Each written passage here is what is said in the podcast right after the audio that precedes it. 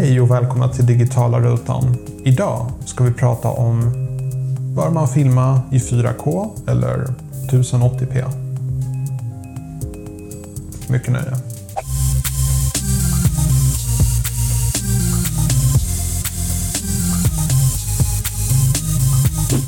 Vi har smartphones, vi har digitala kameror, vi har systemkameror och de senaste modellerna de har möjligheten att filma i 4K. Vilket innebär en upplösning som är fyra gånger så stor som Full HD eller 1080p.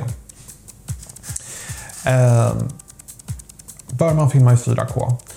Eh, den här videon är filmad i 4K och du kan i Youtube välja att se den i högupplöst läge, det vill säga 4K. Och du kan även välja att se det i Full HD. Så man kan säga att den här videon som du tittar på just nu, den är framtidssäker. Även om kanske ämnet inte kommer vara så eh, framtidssäkert, kanske i framtiden. Um, för mig personligen, jag har förespråkat 4K så länge som det har funnits.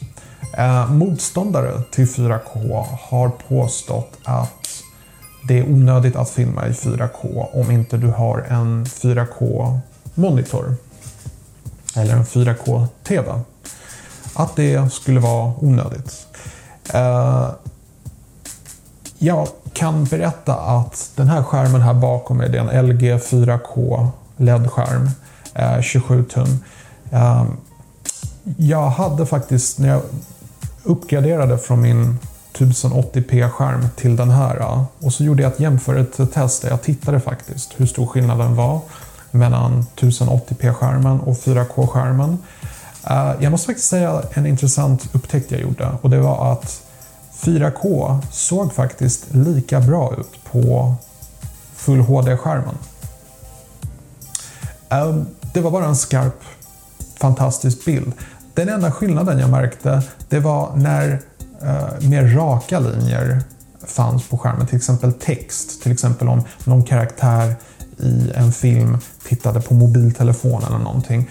Då var det mycket skarpare bild på 4K-skärmen. Men vad gäller bara vanlig film, alltså från en meters avstånd kunde jag inte se någon skillnad. Det kunde jag inte.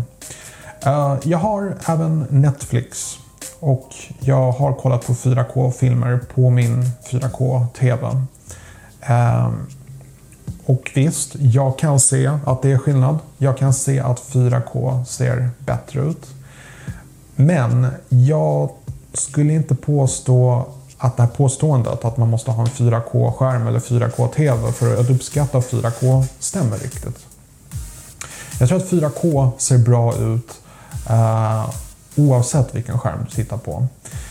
Som gör en jämförelse. Eh, de flesta skärmar är mobiler och TVn och eh, datorer, bärbara datorer har till exempel 1080p i skärmstorlek. Eh, vilket skulle innebära att varje gång man tittar på foton så skulle man egentligen bara behöva ungefär 4 megapixlar.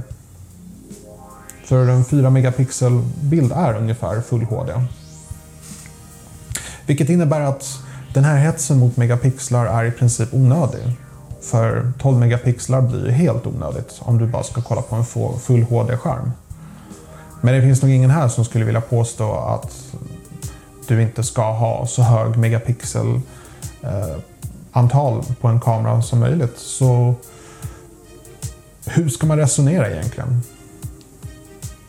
Ehm, jag personligen, när jag tittar på ett foto som är fotat med en 12 megapixel kamera eller en 20 megapixel kamera. Jag tycker den ser mycket skarp ut.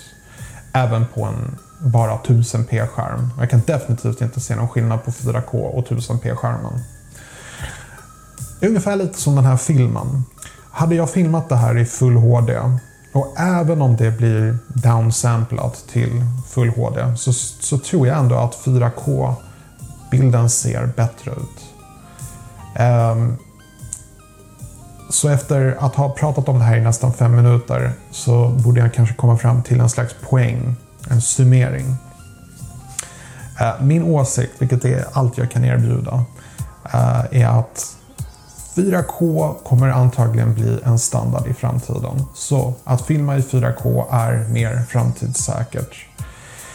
Eh, 4K kommer se bättre ut även om du inte har 4K-skärm idag. Så om du har möjligheten att filma i 4K så föreslår jag att du gör det.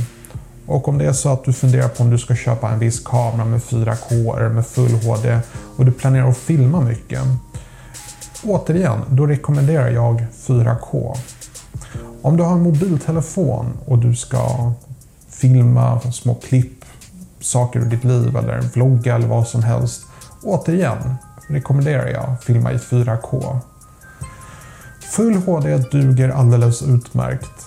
Men jag är helt övertygad om att i framtiden så kommer det en dag se mycket sämre ut än till exempel 4K.